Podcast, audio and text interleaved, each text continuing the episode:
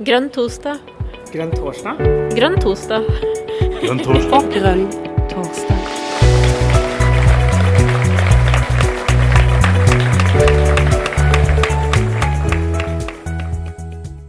Klokken er åtte.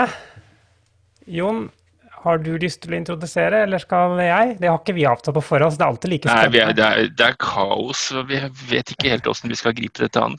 Men det vi eh, skal gripe an i dag, er jo genmodifisert mat som eh, er hva skal vi si, litt touchy, kan vi bruke det begrepet? I hvert fall i MDG-kretser. Ja, det, Det er noen her som har sendt mail eh, eh, og sagt at dette, dette er skumle greier. Og, men Grønn ungdom er kanskje litt skummelt også. Det er jo Grønn Ungdom som står bak uh, dette, eh, som, er, som står bak den saken her. Da. Så Ja. vi syns jo det er viktig å ta opp ting som Grønn Ungdom syns er viktig, og så trenger vi ikke være enig. Mm.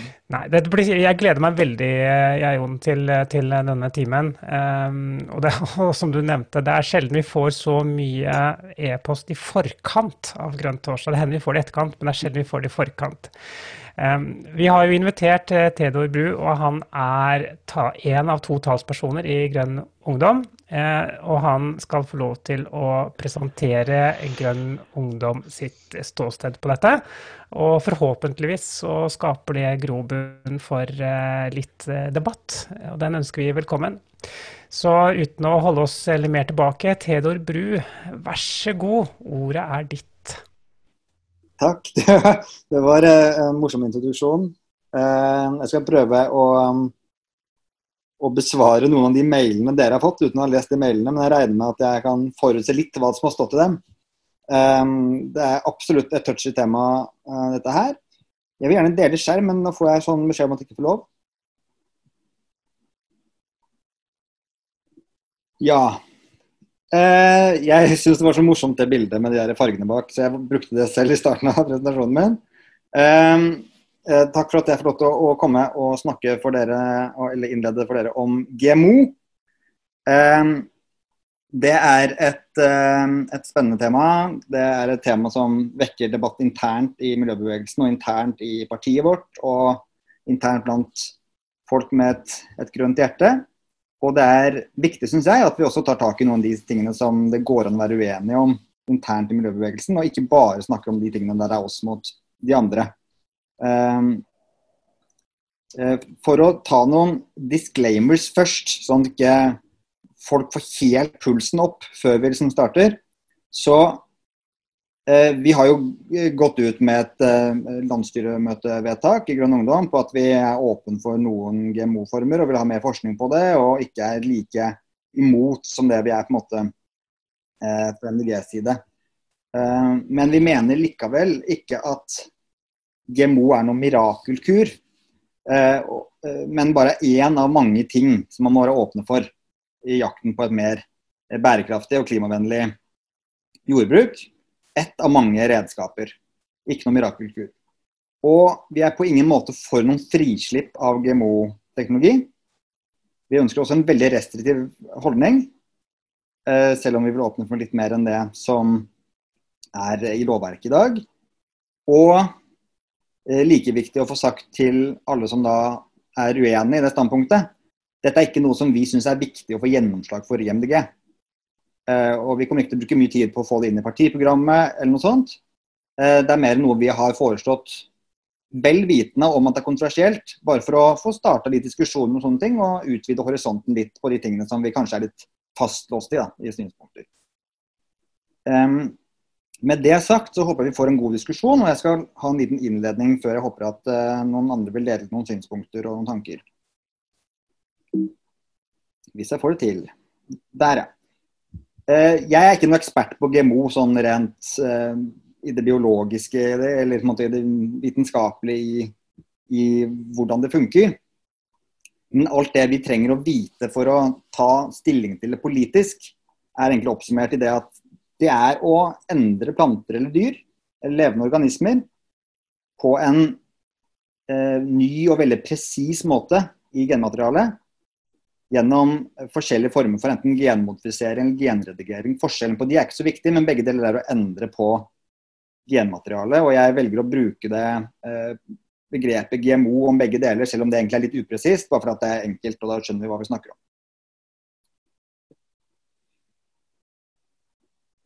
Siden jeg spådde at flertallet i, i, rommet her kommer til å være skeptisk til GMO, så har jeg valgt å bygge det litt ut fra det. Eh, og jeg gjetter på at den motstanden som ofte er mot GMO, den er en, en eller flere av de her som jeg skal ramse opp nå. Ofte så er det en kombinasjon, vil jeg tro. Eh, enten så kan man ha en prinsipiell motstand mot GMO. At det stopper veldig tidlig. At man eh, har det litt i ryggmargen at man ikke skal tukle med naturen. Og at man skal gjøre det så lite som mulig. Og at det grønne samfunnet er et samfunn som er eh, mest mulig basert på det naturlige, hva enn det er som prinsipiell motstand. Eller så finnes det et par mer pragmatiske motstander, der man er åpen for å tukle med naturen, men har en naturpolitisk motstand i det at man ser at GMO kan gi negative konsekvenser for biologisk mangfold, og fokuserer mye på det. Eller det kan være en demokratisk motstand, som jeg har kalt det, som handler om at GMO erfaringsmessig har ført til eh, mer makt på færre hender der det har vært utbredt. Og at man overfører makta fra lokale bønder osv. til store selskaper med alle de eh, eh, negative konsekvensene det har. Så Det er to typer litt mer pragmatiske motstander. Og så er det også en sånn føre var-motstand om at det er mye man ikke vet, og når man ikke vet ting helt 100 sikkert, i spesielt naturpolitikken, så bør man si nei, da, føre var.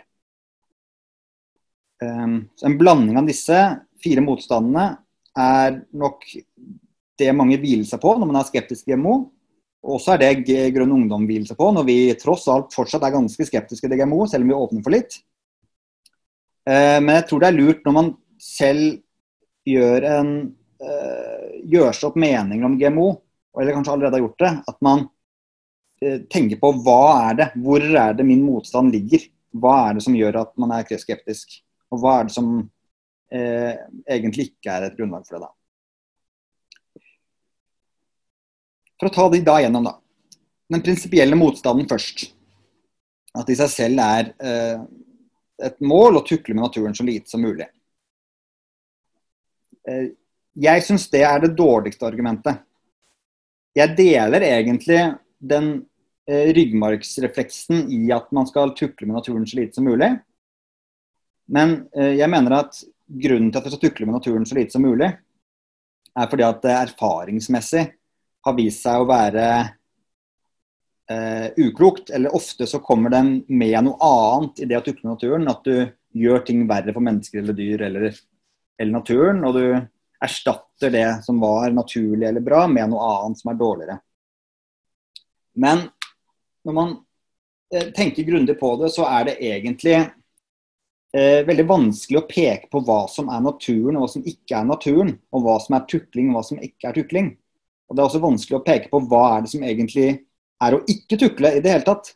At all vår sivilisasjon og alt vi driver med, og til aller største grad også jordbruk i seg selv, er å tukle med naturen.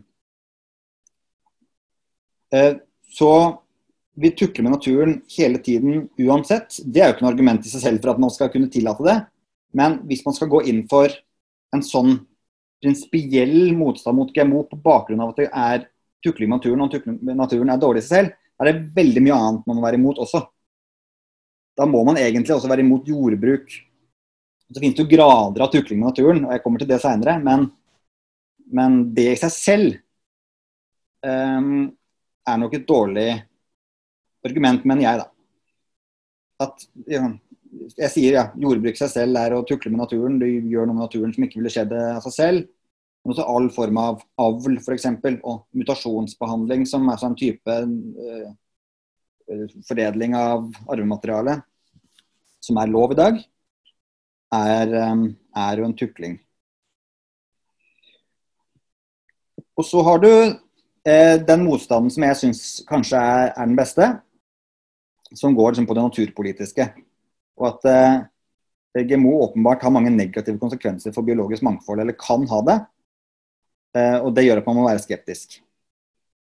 Eh, fordi at selv om avl av dyr og planter også er tukling med naturen og også er måte, unaturlig, så er det åpenbart en forskjell på det og genredigering i det at det ene går veldig mye raskere enn det andre, og det raskere kan gå gærent. Um, det er også en veldig stor uh, ja, en stor risiko med spredning til naturen, spesielt med planter.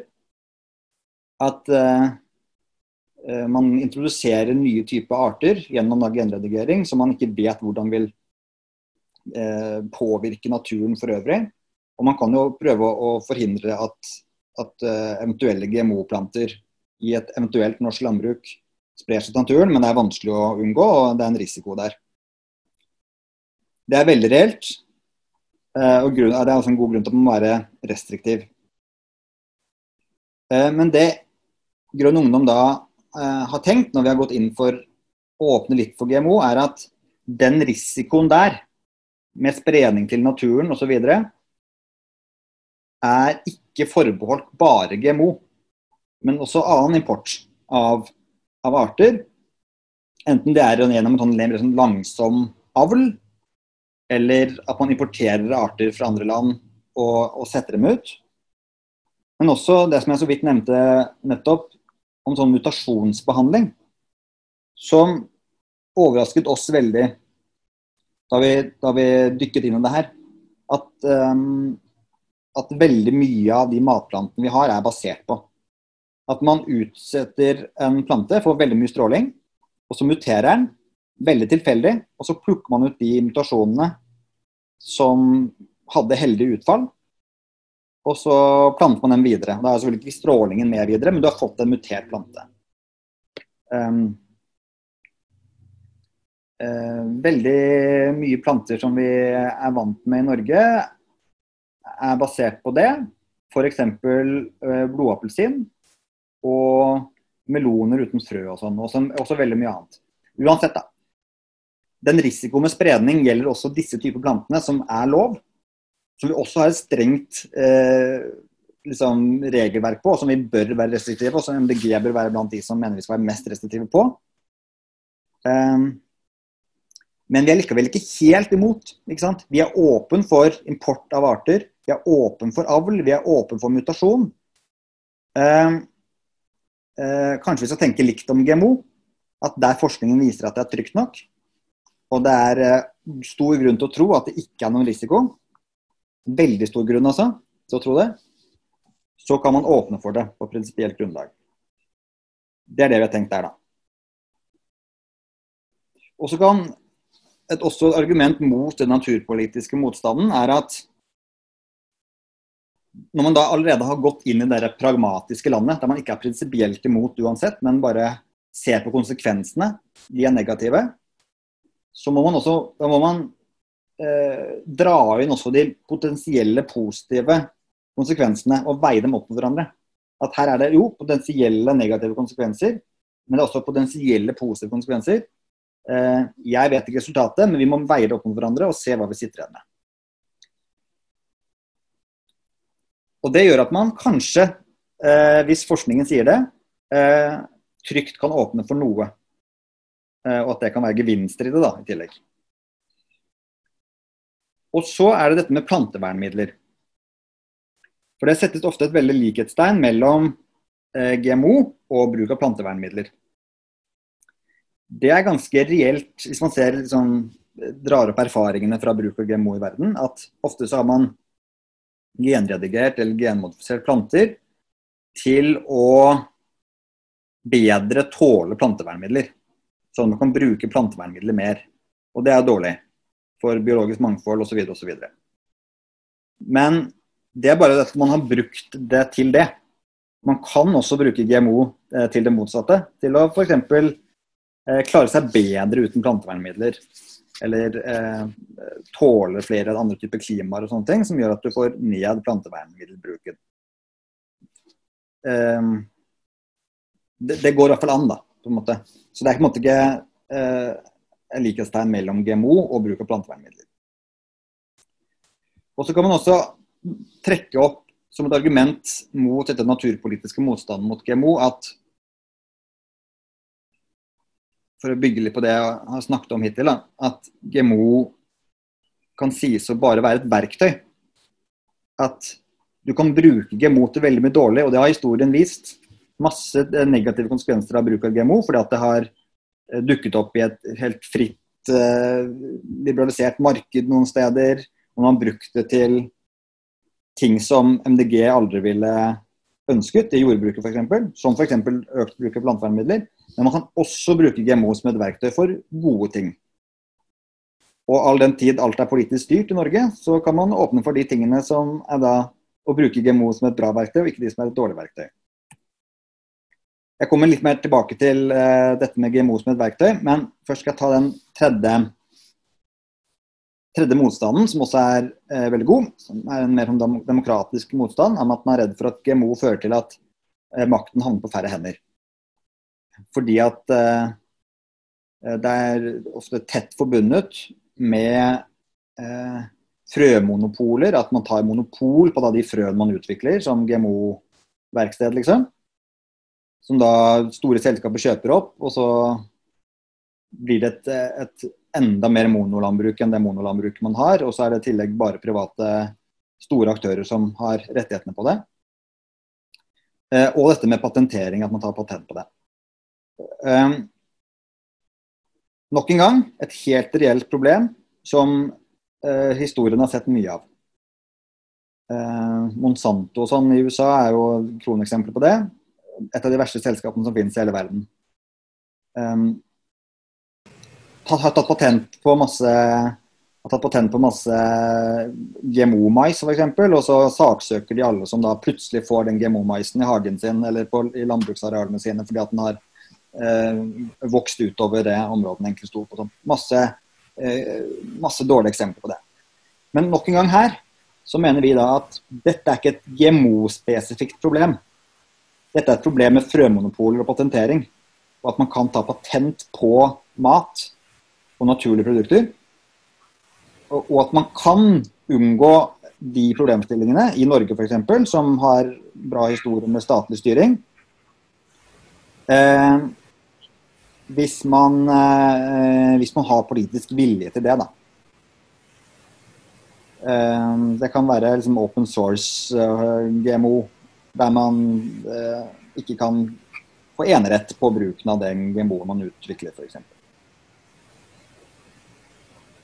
Og så kan man til og med dra det litt rundt, for nå er det eh, GMO Nå er det noen som har på mikrofonen som gjør at det blir litt forstyrra. Så hvis man alle kan da på mute, så er det litt deilig. Eh, for Man kan også prøve å, å dra det litt rundt. for nå er det for det meste GMO-utvikling i stor skala i de landene som har et veldig liberalt marked på det. Så Det er veldig mye store private aktører som er inne i GMO-markedet, og så er det veldig få statlige aktører. Hvis man åpner for GMO i de landene som har en historikk med sånn statlig styring, så kan man jo eh, få da Norge f.eks., eller andre statlige aktører, til å utfordre de eh, kommersielle aktørene. Og Det kan være mer demokratisk, og man kan få mer demokratisk og liksom bra styring av GMO i verden, istedenfor at det bare er på Monsantos hender. GMO som et verktøy. Eh, vi liker å tenke på GMO som et verktøy som jeg har sagt, som kan brukes til dumme ting, som kan brukes til bra ting. Eh, og Dette blir litt av en sånn oppsummering fra det jeg har vært innom. At De dumme tingene er da f.eks. å gi fordeler til store selskaper, matmakten på færre hender. At man kan øke bruken av plantevernmidler og gjøre skade på naturen. Men så finnes det også eh, mulighet for å bruke det som et godt verktøy. Det finnes noen gode eksempler på det i historien. Og Det finnes også mange eksempler på at man har prøvd å bruke det verktøyet som, som, en god ting, men ikke fått det helt til heller. Det har vært mislykka. Men rent prinsipielt så går det an. Og Det er det prinsipielle vi er opptatt av når vi har diskutert det her. At hva kan GMO være? Og hvis GMO blir det, hva skal vi da si? For man kan da også genredigere eh, planter til å gi mindre svinn i produksjonen. Gjennom f.eks. å tåle mer sykdommer som tar, eh, tar livet av mange planter og svinn. Eh, også til bruk av mindre areal da, av de samme grunnene, som er bra i både natur- og klimahenseende. Det er jo eh, Jordbruket er også historisk en av verstingene på å stjele areal fra naturen. Eh, og hvis vi kan unngå at landbruket både i Norge og andre land fortsetter å ese ut inn i naturområder, så kan det være bra. Og hvis GMO kan hjelpe til med det, så er jo det positivt. Og man kan også bruke det til å redusere bruken av plantevernmidler, som jeg har vært innom. Jeg har også gjort forsøk på å gjøre mat mer næringsrik. Tilsette proteiner og næringsstoffer og sånne ting i mat som er mindre næringsrik. Og, og at det kan da eh, dyrkes i land som har ernæringsproblemer. Og som sagt, Man kan til og med bruke det til å utfordre store selskaper hvis man får store statlige aktører inn som kan bruke GMO på en god måte. Og liksom, vi, Man kan eh, endre mat på veldig mange måter, som jeg har vært innom. Man kan endre mat gjennom avl osv. osv. Og det er ikke noe prinsipielt annerledes å gjøre det med genredigering, er det vi mener. Um, så det blir dumt å være mot ett verktøy, men for andre verktøy. Når begge verktøyene kan brukes til gode og dårlige ting, man må heller være eh, prinsipielt for å bruke verktøy på gode måter. Og ha gode lovverk og gode reguleringer. Og så har jeg tatt med bilde av to sager for å vise litt forskjellen på eh, f.eks. avl og genredigering. For der Eh, avl er et verktøy som er veldig upresist og veldig sløvt og veldig treigt. Så er genredigering et verktøy som er mye mer presist. Du kan få mye mer ønska resultater. Du får ikke masse tilleggsgreier med på genredigeringen. Du får til akkurat det du vil i planta. Um, som, som, da er mer effektivt. Helt til slutt så har vi den føre-var-motstanden. Eh, at det er lurt å være føre var i naturpolitikken. Og jeg er veldig enig i at det er lurt å være føre var i naturpolitikken og i mesteparten av annen politikk også. At man skal ha veldig mye kunnskap på bordet før man tør å utfordre liksom, natursystemer. Og GMO kan tross alt være med å utfordre natursystemer hvis det sprer seg i naturen. og sånn. Så det er en viktig regel. Eh, og en grunn til å være ekstra eh, forsiktig. Men vi må også passe på å ikke legge den føre var-merkelappen på alt vi er litt uenig i. For at hvis vi gjør føre var til et absolutt prinsipp, så blir vi, da blir vi rene konservative som aldri kan foreslå endringer på noen ting. Og eh, vi mener veldig bestemt da, at naturkrisen er en sånn krise som krever masse politiske løsninger det kan ikke bare være å si nei til ting, det må også være litt å finne nye løsninger. At man må akseptere litt hvordan verden har blitt. Hvor mye natur som hugges ned, og hvor mye eh, ressurser verden liksom ønsker å forbruke. Så må vi prøve å kjempe mot det også, men all den tid det er sånn verden er, så må vi prøve å, å, å bruke politikk litt. Og da kan vi ikke være imot alt. Så føre var kan ikke være et absolutt prinsipp, det må være noe litt mer flytende som vi også kan avløse når vi får kunnskap nok. Da. Så når vi får veldig mye kunnskap, ting er utprøvd innenfor liksom, ordna rammer, og vi vet det er forsvarlig, så, så bør vi åpne for ting, selv om føre-var-prinsippet ligger der som en sånn bjelke. Da. Eh, og så må vi også tørre å snu i tide. Ja. Så det, er det, det er litt det, som er vårt eh, endelige budskap her, at vi ønsker den der kontinuerlige avveiningen mellom mellom den føre-var-risikoen og de mulige miljø- og klimagevinstene. At vi liksom ikke må bli så redd for de negative konsekvensene at vi ikke glemmer de potensielle positive effektene som kan være til det beste for nettopp naturen og sånt som er det vi er opptatt av å ta vare på. Ja, jeg vet ikke hvor lang tid jeg har brukt, men jeg har sikkert brukt uh, mer enn nok tid. Så er det en siste slide her som er eh, ting jeg tenker er mest interessant å reflektere over og diskutere nå som vi skal gjøre det. Um, Jeg tenker ikke at det er så fruktbart med liksom, diskusjoner om hva som er eh, strategisk lurt for MDG f.eks., eller sånn, for, det, for der er, tror jeg vi alle er enige. Dette er ikke noe som skal bli noe MDG skal om vi hadde gått inn, Vi bør ikke gå inn for GMO på den måten som vi har tatt, eh, tatt, tatt til orde for. da. Vi bare mener at det er fint å ha den diskusjonen internt og utfordre oss selv litt. Så det jeg syns er spennende å diskutere, er heller eh, Hvis du er positiv til GMO, eh, hva av de motargumentene må til, eller hvor mye av det må til før du blir negativ? Og hvis du er negativ til GMO, hva eh, Fins det noe som kan gjøre, noe forskning, noe argumenter, som kan gjøre at du blir positiv? Også et lite sånn tilleggsrefleksjonsspørsmål på slutten, som jeg syns er litt spennende, er, eh, og som røper litt om hvilken, eh, hvilken tanke man har om GMO, er hva er best og verst av GMO på planter og på dyr? For det er faktisk litt forskjellige argumentasjoner man kan bruke på de forskjellige, eh, forskjellige der. OK. Det var det jeg ville um, si innledningsvis. Ja, tusen uh, takk, uh, Theodor. Jeg er fortsatt på stop share. Der, ja. Fantastisk. Ja. ja jeg er her, jeg. Nei, det var bra, dere her. Da regner jeg med at uh, alle er helt utlært og helt enige. Nei, neppe. ja. Men da var det Camilla hadde lyst til å følge opp, hadde hun ikke det, Karina?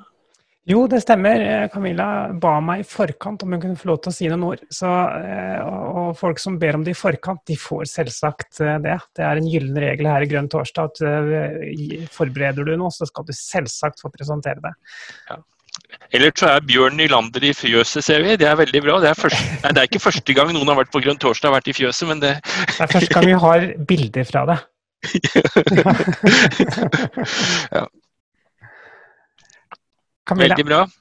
Da gir vi ordet til Camilla. Har du unmuta deg? Ja. ja. Når man skal utarbeide en ny politikk, må man alltid først finne den underliggende årsaken til problemet man ønsker å løse. Og Det man gjøre for å være sikker på at vi bruker ressursene riktig, og at vi faktisk løser problemene vi står overfor. Og For å finne den underliggende årsaken til problemene i landbruket, så er vi først se på hva som skaper disse problemene. Noe av det er at naturen hele tiden jobber for å etablere et mangfold av vekster, insekter og dyreliv, mens landbruket strever for å skape og opprettholde monokultur. Naturen jobber for å beskytte og styrke livet i jorda, ved bl.a. å dekke over den med planter, mens landbruket pløyer jorda og holder store deler av den bar. Og dette fører til nedbryting av livet i jorda og tap av humus som igjen fører til dårlige avlinger, og ofte en avhengighet av kunstgjødsel som fortsetter å bryte ned jorda. Så fører det til tap av biomangfold, som igjen fører til flere skader og øker avhengigheten til sprøytemidler, som igjen ødelegger biomangfoldet ytterligere. Og så fører dagens landbruk til utslipp av store mengder karbon, som ligger lagret i jorda, og som fører til klimaendringer, som vi vet skaper enorme utfordringer i landbruket i form av tørke, flom og annet ekstremvær. Så hva er egentlig den underliggende årsaken til problemene med dagens landbruk? Jo, jeg mener at dagens landbruk jobber mot naturens egne prosesser istedenfor med dem. Grønn ungdom foreslår økt bruk av GMO som en løsning på problemene landbruket står overfor. Men bidrar GMO til å løse den underliggende årsaken til problemene i det industrialiserte landbruket? Bidrar GMO til at vi jobber med naturens egne prosesser? GMO er en løsning som følger samme tankegang som de som oppfant kunstgjødsel og sprøytemidler brukte. Vi tenkte at så lenge vi kan pøse på med kunstgjødsel, kan vi fortsette akkurat som før. Så lenge vi kan pøse på med gift som dreper skadedyrene, kan vi fortsette som før. Og I tillegg vil vi tjene sinnssykt mye penger på det og gjøre bønder avhengig av produktene våre. GMO vil kun dempe noen av symptomene i det industrialiserte eh, landbruket i en kort periode, før vi kommer inn i enda noen sirkel. Kanskje vil GMO kunne gi økt motstand mot noen skadedyr, men hva gjør vi når skadedyrene tilpasser seg de nye plantene? Kanskje vil kunne, GMO kunne gi økt avling i noen år? Men hva gjør vi når jorda er blitt helt utarmet? Som jeg sa i stad, Det underliggende problemet med dagens landbruk er at vi jobber mot naturens prosesser istedenfor med dem. Og GMO bidrar på ingen måte å løse dette problemet. Tvert imot vil det føre oss videre inn i en fremtid vi ikke ønsker å leve i. Men det som er så bra, er at det finnes allerede en ny type landbruk som jobber med naturens prosesser, som sprer seg som en grasrotrevolusjon verden rundt. Det heter regenerativt landbruk, og det betyr på en måte et landbruk som reparerer. Det startet blant bønder som ønsker alternativer til det industrielle landbrukets enorme miljøødeleggelser. Og ved å følge noen enkle prinsipper som etterligner naturens egne, og kontinuerlig utforsker samspillet i naturen, så bygger man ny jord, øker det biologiske mangfoldet og fanger og lagrer store mengder klimagassutslipp. Dette gir økte avlinger i tillegg, uten bruk av kunstgjødsel, sprøytemidler og GMO, og gir samtidig da økt fortjeneste til bonden. Og her i Viken så er vi faktisk så heldige å ha en av Norges fremste eksperter i regenerativt landbruk. Han heter Anders Lerberg Kopstad holder til på gården Evig grønne enger på Ringerike. Han reiser rundt i hele Norge og holder kurs og rådgivning for bønder som ønsker å delta i denne revolusjonen. Og miljøorganisasjonen Spire har også vært utrolig flinke til å fremme regenerativt landbruk. Miljøpartiet De Grønnes mål er en, et medmenneskelig samfunn i økologisk balanse. Politikken skal være basert på tre grunnleggende solidaritetsprinsipper. Solidaritet med andre mennesker, solidaritet med fremtidige generasjoner og solidaritet med dyr og natur. For å få et landbruk som støtter opp om disse prinsippene, bør De Grønne utarbeide politikk som fremmer det regenerative landbruket. Bruk av GMO vil ikke bidra verken til MDGs mål eller noen av solidaritetsprinsippene. Tusen takk. Eh, da gjør vi det slik at eh, de som ønsker å tegne seg, de kan gjøre det ved å bruke raise hand-funksjonen, eller å skrive at de ønsker innlegg i chatten, eh, hvis man ikke finner den raise hand. Raise hand skal være lett tilgjengelig for de fleste. Ehm, så er det noen som ønsker å ta ordet, så er det lov nå. Ehm, og jeg ser at Kjell Magne har brukt raise hand. Er det slik at Kjell Magne ønsker ordet, stemmer det?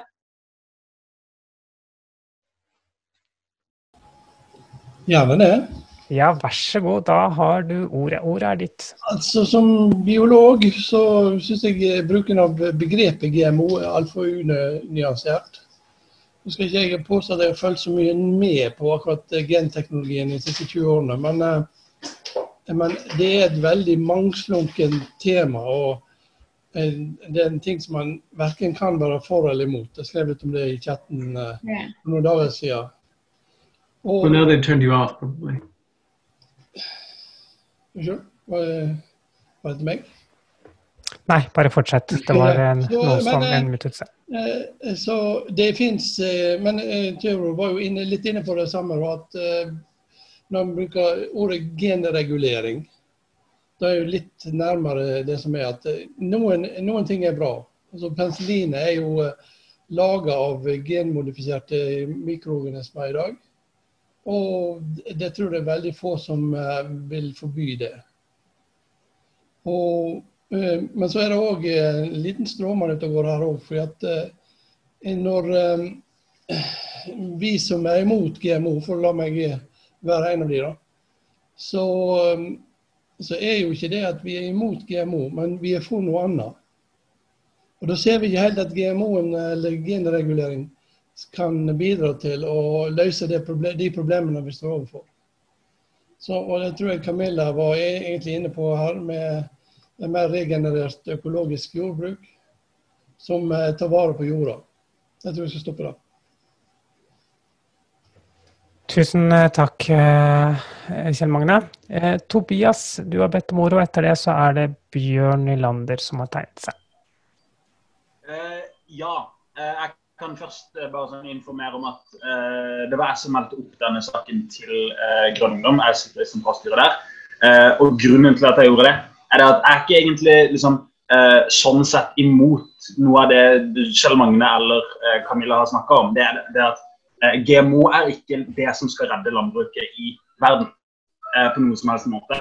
Eh, men GMO er en del av en større løsning. Og sånn som jeg, sånn som jeg ser på jordbrukspolitikk, så, tenk, så tenker jeg eh, all den andre gode jordbrukspolitikken som MDG har. Eh, ja takk til det. Og så syns jeg ikke at vi skal være så dogmatisk eh, anti-GMO eh, som vi tradisjonelt har vært, og som jeg også tror vi er i, i partiprogrammet eh, nå. Eller i hvert fall eh, hvis du legger vekk taktiske hensyn. Som jeg også, Theodor snakka litt om det, jeg er også helt enig med han om det. Um, og, og, jeg vil også bare uh, svare på det, liksom, de spørsmålene som Theodor snakka om i, uh, på slutten av sin presentasjon. og det er hva, hva, skulle, hva, hva, som trengs for at jeg skal bli mer negativ til GMO, og at vi skal fortsette å ha den lovgivninga vi har i dag rundt eh, GMO, som er eh, i, i, realiteten et forbud.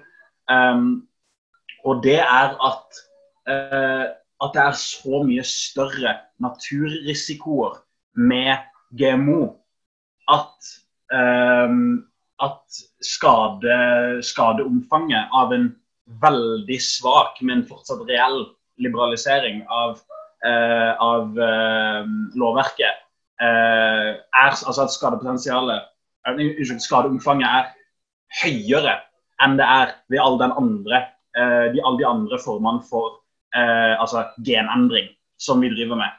Um, og jeg, fordi jeg mener at uh, når det kommer til landbruk, så er det liksom, natur og klima og uh, de store uh, liksom, næringskrisene vi har i verden i dag, som skal føre, heller enn et et, et, syn, et vagt syn om at GMO er på en eller annen måte mye farligere enn eh, annen form for foredling.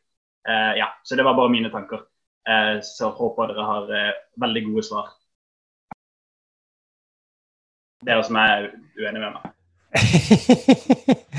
ja, vi får nå, vi får nå se. Bjørn, har du lyst til å ta ordet?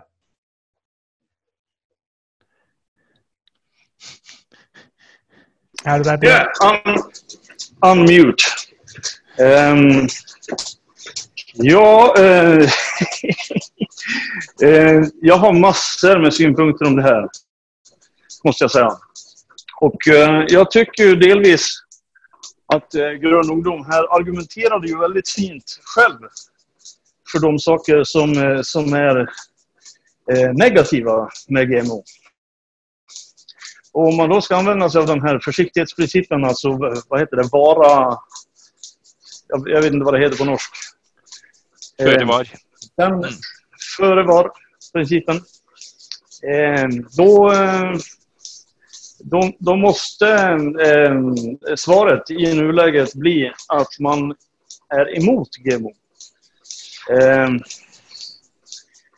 eh, ja, jag skulle kom kunna kommentera så många saker som har sagts eh, här i den här diskussionen. Eh, det, det, det, första som jag reagerar på det är när, när Grön ungdom säger vi är ju inte experter på det här, men vi tycker ändå att.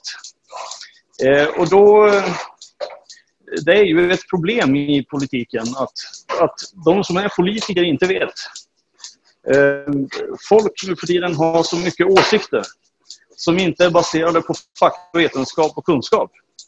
Eh, och eh, om man hela tiden lägger förslag baserat på åsikter så blir detta inte bra.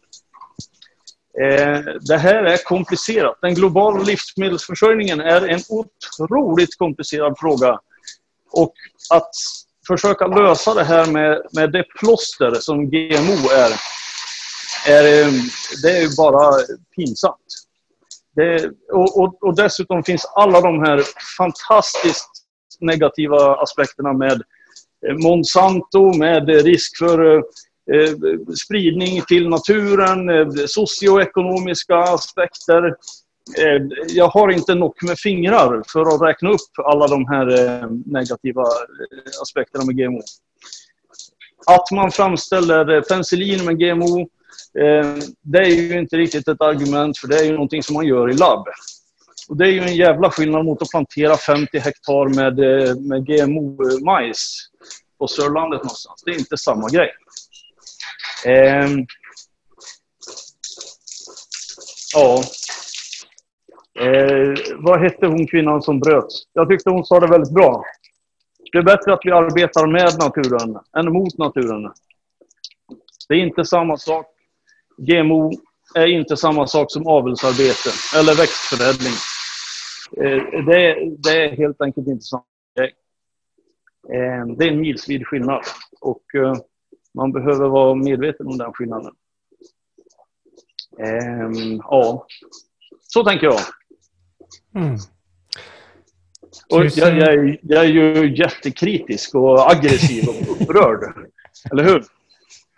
Eh, men, men, eh, och jag tycker det är jättebra att eh, det är väl det som ungdomspart, ungdomspartier är till Att de ska lyfta frågor och vara lite grann liksom out there och extrema. Så, så det är bra. Men jag röstar nej tack till GMO alltså. Och Man kan ju också ställa frågan, eh, om vi nu släpper GMO, eh, eller vi vil lätta liberaliserar eh, GMO-lagstiftningen i Sverige, eller i Norge. Vad vinner vi på det i Norge? Vad är det för problem vi löser i Norge med GMO? Vad är problemet i det norska lantbruket just nu? Och på vilket sätt kan vi lösa det med GMO? Vilken vilken eh, växtegenskap är det vi saknar i det norska lantbruket? Eller på vilket vis ska vi ändra den här så att den blir eh, bättre med GMO? Något som vi inte kan göra med eh, normal växtförädling. Eller den här den är ju jättefin. Inte vill vi väl ändra på dig, Gabriella? Nej. Ja, Visst. Takk så mye. Jeg, jeg, tror vi stopper der. Du har gjort et godt poeng. Og så må jeg si jeg er imponert over at du deltar fra fjøset. Det er faktisk utrolig morsomt. Eh, det, det, må jeg virkelig si. Tusen, det går kun an på digitale møter. Ja. jeg, jeg, jeg, bor jo i fjøset, så jeg må, skal, skal, jeg være med, så må jeg være med herfra. Ja. Da gir vi ordet til eh, Tobias. Tobias, du har noen kommentarer. Uh, ja, uh, jeg ville bare uh, kjapt en liten ting om prosess her i Grønn Ungdom. Bare sånn at det, det, er klarhet om at vi har altså, Vi er helt åpne på at vi kan ikke alt. men jeg vil også bare informere om at apropos det Bjørn snakker om, at vi har hatt en, altså, en faglig ganske grundig prosess. Uh, Bl.a. på det landsstyremøtet hvor vi, hvor vi vedtok dette hadde vi bl.a. Eh, professor Trine eh, Vårslev eh, navnet, eh, Eide. Eh, professor i jeg tror det er biologi på NMU. Eh, som, som, sitter i Bioteknologirådet. Eh, der også bioteknologi, Bioteknologirådet har foreslått at man tar en gjennomgang av GMO-regelverket. Og, og, og, jeg vil også bare jeg vil, jeg vil bare gjøre klart det at det er helt riktig at vi ikke er Vi vet ikke alt. Men vi har også hatt um, fagpersoner på besøk som også i ganske stor grad støtter vårt syn. Uh, og uh, ja.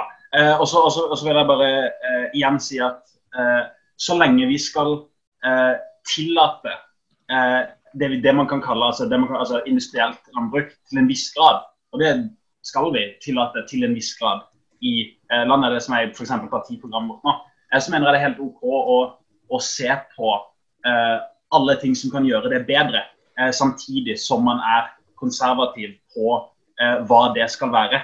Eh, og så skal ikke det være GU som bestemmer nøyaktig hva det var. Eh, vi hadde bl.a. et forslag om, om å legge det til EU-regelverket, men jeg vet ikke om det er det som er mest bærekraftig. men en ordentlig ny gjennomgang Eh, spesielt pga. de utviklingene som har vært på, på, bioteknologifeltet de siste 15 årene, siden 2004 eh, genteknologiloven eh, ble eh, lagd. Men det er eh, en, en, en, veldig positiv og, og kunnskapspositiv eh, eh, tiltak. Samtidig som jeg vil også si at det er ikke, det er ikke sånn at GMO skal løse alt, men det er en del av en større løsning. så skal jeg ja. bare, men, men hovedtingen er det at vi har, vi har hatt en ganske grundig prosess på dette. og jeg vil at alle, også de som er uenige i oss, skal vite det. Yes, takk. takk, Tobias. Jan har også bedt om ordet. Jan fra Ringebu. Får du det til? Ja. Føler dere meg? Det gjør vi. Fint. Nei, men jeg støtter veldig mye som han Bjørn har sagt fra fjøset. Og er prinsipielt også veldig kritisk imot um, GMO. Og um, det er Jeg har bakgrunn som økologisk jordbruker og birøkter. Og har gjort erfaringer, ikke i landet her, men i Tyskland, at um, med birøkt. At uh, de driver med slikt. Det, det, er forbudt med, mot uh, GMO i Tyskland. Men de har noen teståkre med raps. Og disse testene skulle i prinsippet være sikre. Men det de har funnet ut i etterkant, at pga. spredning av pollen gjennom vind og insekter, hadde de på en måte ikke kontroll over hva som skjedde med rapsplantene. Og Resultatet var på en måte at uh, hele området har blitt uh, spredd av uh, genmodifiserte pollen. Og det som var veldig oppsynsvekkende, var at biene sleit med For de bruker pollen til å fôre unge biene i kubbene. de sleit, Virøkene sleit med at de hadde en veldig høy bidødelighet. Så um, det er bare én grunn som jeg uh, har erfart sjøl, og uh, som jeg syns er så oppsiktsvekkende at um, vi må være veldig kritiske at vi på en måte innfører noe som vi ikke vet nok om. Så Derfor mener jeg at vi ikke burde satse på GMO. Og um, det er en ting vi har hørt uh, ved innledende um, referatet at uh, avl er noe som uh, fungerer, men ikke er like effektivt. Men uh, jeg syns det er litt morsomt å høre det, fordi hvis vi ser mange tusen år tilbake, så har menneskeheten begynt å avle på enkle gressplanter. Og har avlet fram disse kornsortene som vi har i dag. De har jo ikke falt fra himmelen. Og, um, så de var veldig flinke i å avle um, alle de kornsortene som vi har i dag. Og um, det var neppe bruk av genmodifisering da. Og uh, så uh, mener jeg at vi klarer oss ganske bra med det vi, vi gjør i dag. Og uh, avsluttende vil jeg si at hvis vi kan brødfòre hele menneskeheten med fire ganger med det vi produserer i dag, men bare vi må redusere matsvinn, så syns uh, syns jeg skulle vi uh, se på det og prøve å bli bedre og flinkere med det. Det er min holdning. Så jeg kan si mye, mye mer, men jeg skal bare ta det som ja, avslutte det her. ja, veldig, veldig bra. Takk skal du ha, Jan. Hyggelig å se deg igjen, forresten. Takk i like måte. Lars, du har også bedt om ordet. Ja, tusen takk. Og takk for at dere tar opp et så spennende tema. Og, og jeg syns eh, innledningen til Theodor var veldig bra. Og jeg, jeg, har jo selv demonstrert mot GMO, men da spesielt Monsanto. Og har måttet ta noen runder med meg selv. For det, det går jo veldig fort. Og det er veldig skummelt med ting som går fort. Men uh, Sånn som Bjørn som er i fjøset, det handler jo også om avl vi har drevet fram, og som har gått raskere og raskere de siste åra. Sånn at kua til Bjørn ikke pumper ut 2400 liter melk, men nærmere 10 000 i året. Uh, og nå kan vi lage planter som vi kan gro effektivt på land, som gir oss den omega-3-en vi trenger fra havet f.eks. Og det er så mye spennende, og MDG er jo glad i teknologi, men vi har også det føre-var-prinsippet. Og, og, jeg tenker at det uh, kanskje kan være vel så viktig å, å være redd for å å slippe ut uh, f.eks. nanoteknologi, partikler og slike ting. Mens GMO, der begynner det å bli ganske stor kontroll. Men uh, hvordan vil vi ha kontrollen? Kanskje ikke ett stort firma, sånn som det stort sett er i landbruket i dag. De fleste frø f.eks. eies av noen få selskaper som har full kontroll, uavhengig av om det er uh, avla fram og patentert eller genmodifisert gjennom GMO. Uh, og vi har 300 000 typer risorter f.eks. For bare fordi vi, vi, har vært flinke da, til å uh, avle fram det vi ønsker å benytte oss av. Så monokultur og patentering, viktig å diskutere. Hva som skjer når man setter det vi lager ut i naturen, viktig å diskutere. Men uh, det å forske og finne ut, jeg tror vi skal være flinke på det. Og fortsette å, å se på de mulighetene. Takk, Lars. Eh, Elias, eh, du har vært aktiv på chatten, og nå får du sjansen til å si, si noe her også. Greier du å unnmute? Der, ja. Ja, jeg prøver. Jeg skal prøve. Jeg, jeg, er ikke så, jeg er ikke så god i disse her diskusjonene, men uh, Eh, det er jo litt sånn at jeg har studert litt ting som er litt utenfor det vanlige områdene da, å studere. Um, og um, det med, med, våre gener da, er at vi, vi skrur dem jo av og på. da. Vi har jo masse sånne døde gener, altså inaktive gener. Og det gjelder jo alle organismer. Så det er jo en samvirkning mellom miljø og gener som skaper enten ja, sykdom eller, eller eh, vekst, da. Eller positive ting, da. Og man er så opptatt av å få til positive egenskaper. Eh, og eh, som eh, Bruce Lipton sier, da, så, så, er det det er i samhandlingen at, at dette her blir aktivert på en måte. Og at uh, vi mennesker vi, eh, vi, kan, vi, har nå instrumenter til å gå inn og redigere gener. Ikke dermed sagt at vi vet hva vi faktisk helt gjør. Eh, det er usikkerhet om et gen har én egenskap eller flere. Eh, sånn at du tilsikter ett formål, og du kan igangsette et utilsiktet formål i tillegg, da. Ikke sant? Um, så det ligger liksom i den teknologiens natur.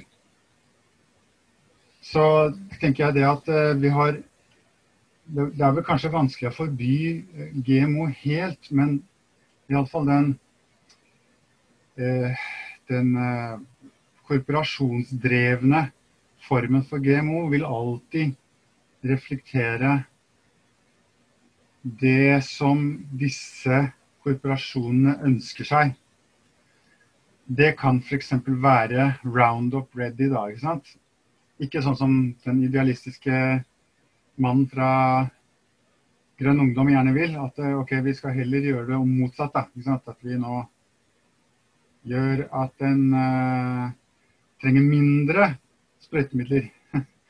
ja, det jo, men, men dette er jo jeg er jo ikke noen ekspert på dette, men,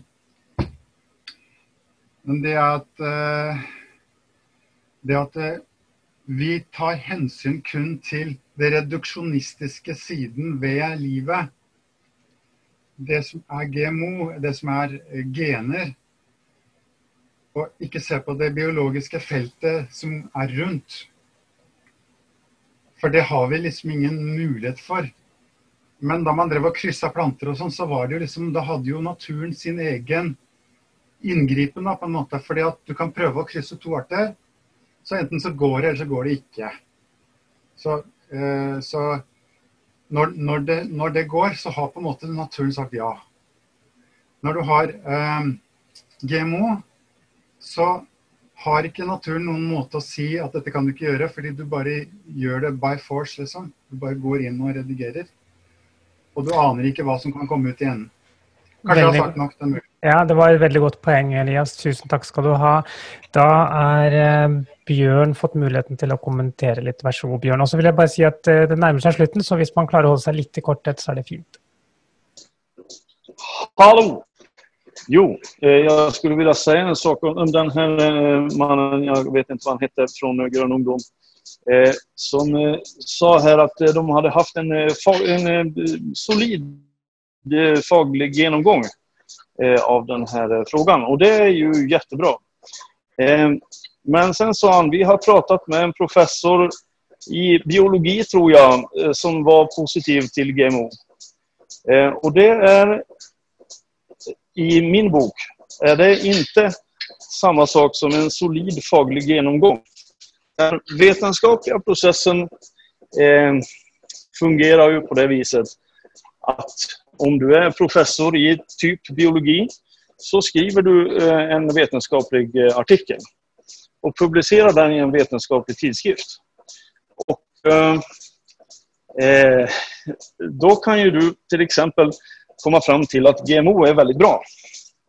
Men sen kan det ju vara en annan professor i typ biologi som skriver en annen artikel som kommer fram til at han er negativ, eller hun negativ til GMO. Og sen er det då, eh, pågår det her kontinuerligt og har gjort nu i modern tid siden stenåldern omtrent.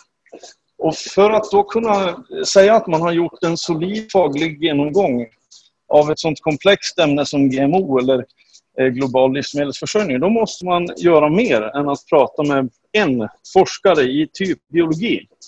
Eh, Man måste läsa väldigt, väldigt, väldigt många vetenskapliga artiklar. Eh, Både sådana som är positiva och sådana som är negativa.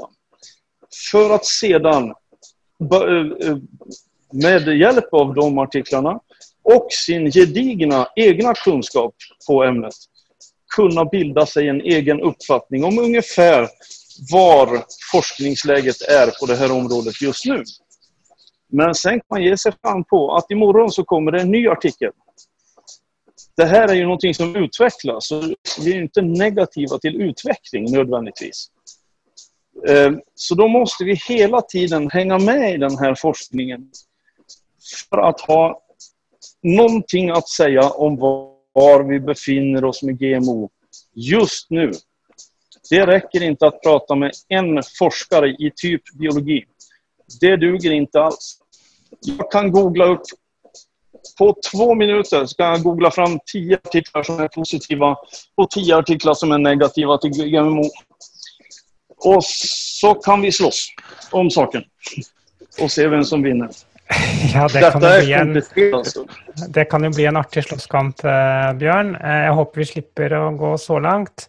Eh, Nå er det slik at vi nærmer oss slutten, og vi, alle slipper ikke til. Det jeg nå kommer til å gjøre, det er at jeg kommer til å lansere en, en poll, og den kommer på skjermen deres nå. Og det er eh, hvordan stiller du deg til GMO?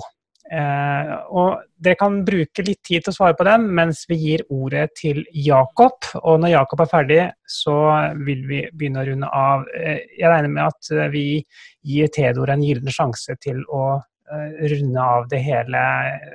Men nå ordet til deg, Jakob. Vær så god. Ja, den er eh, veldig kort. Kan dere høre meg? Ja da. Flott. Eh, nei, det er vel, er heldigvis veldig kort. Jeg tenker jo på at eh, GMO det er jo tilsetningsstoffer. Jeg hører mye om at dyr blir jo testa. Jeg syns det er uetisk. Men jeg skjønner vi må jo ha, vi, vi trenger jo organismer for å teste for å få medisin og sånn, men jeg syns fortsatt det er uetisk. La oss, la oss tenke på Vi har jo utnytta naturen med klimagasser, men også med plast. He- Helle plast i hav og mikroplast, ikke minst. Og tenk deg at vi har utnytta naturen med plast. Hvorfor da skal vi da også utnytte naturen enda en gang med GMO? Det var det jeg ville si. Takk skal du ha. Tusen takk. Da har vi hatt en veldig bra diskusjon her, og mye spennende tanker. Og så, Theodor, hva tenker du? Har du fått noen Mm. nye innspill her? Ja, takk for um, fin diskusjon. Um, mye fine tanker. Um, det jeg eh, Det ser ut som jeg fikk flertall. Nei, Ne, det, det, noen ting jeg har tenkt etter å ha hørt debatten nå, er at den motstanden som kommer, den går eh, delvis på at noen peker på negative konsekvenser, som jeg også gjorde i foredraget, som absolutt er reelt. Eh, men det er ikke nødvendigvis et argument for at det prinsipielt er noe gærent med GMO-verktøyet. Eh, så alle anerkjenner de negative konsekvensene. Og så er det et argument eh, eh, mot at som, som, gjentar seg litt, at det, det, er ikke dette som er problemet i landbruket. Det er ikke sånn vi løser alle problemene i landbruket. Og der er vi også uh, helt enige.